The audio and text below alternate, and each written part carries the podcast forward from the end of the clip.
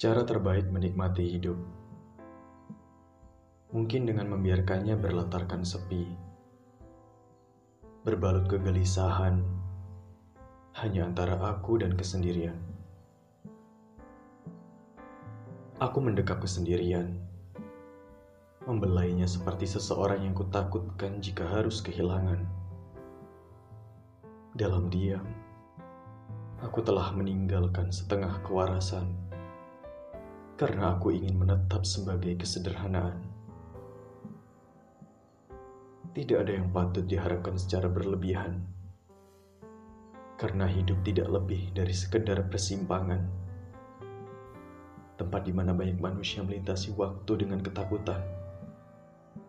Banyak sandiwara yang kusaksikan, garis mata dengan semburat kesedihan, memberikan gambaran jika manusia hanya hidup dalam bayang-bayang.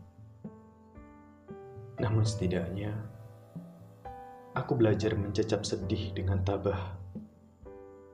Aku merangkak pada waktu dengan segenap umurku. Umur yang semakin hari semakin menua.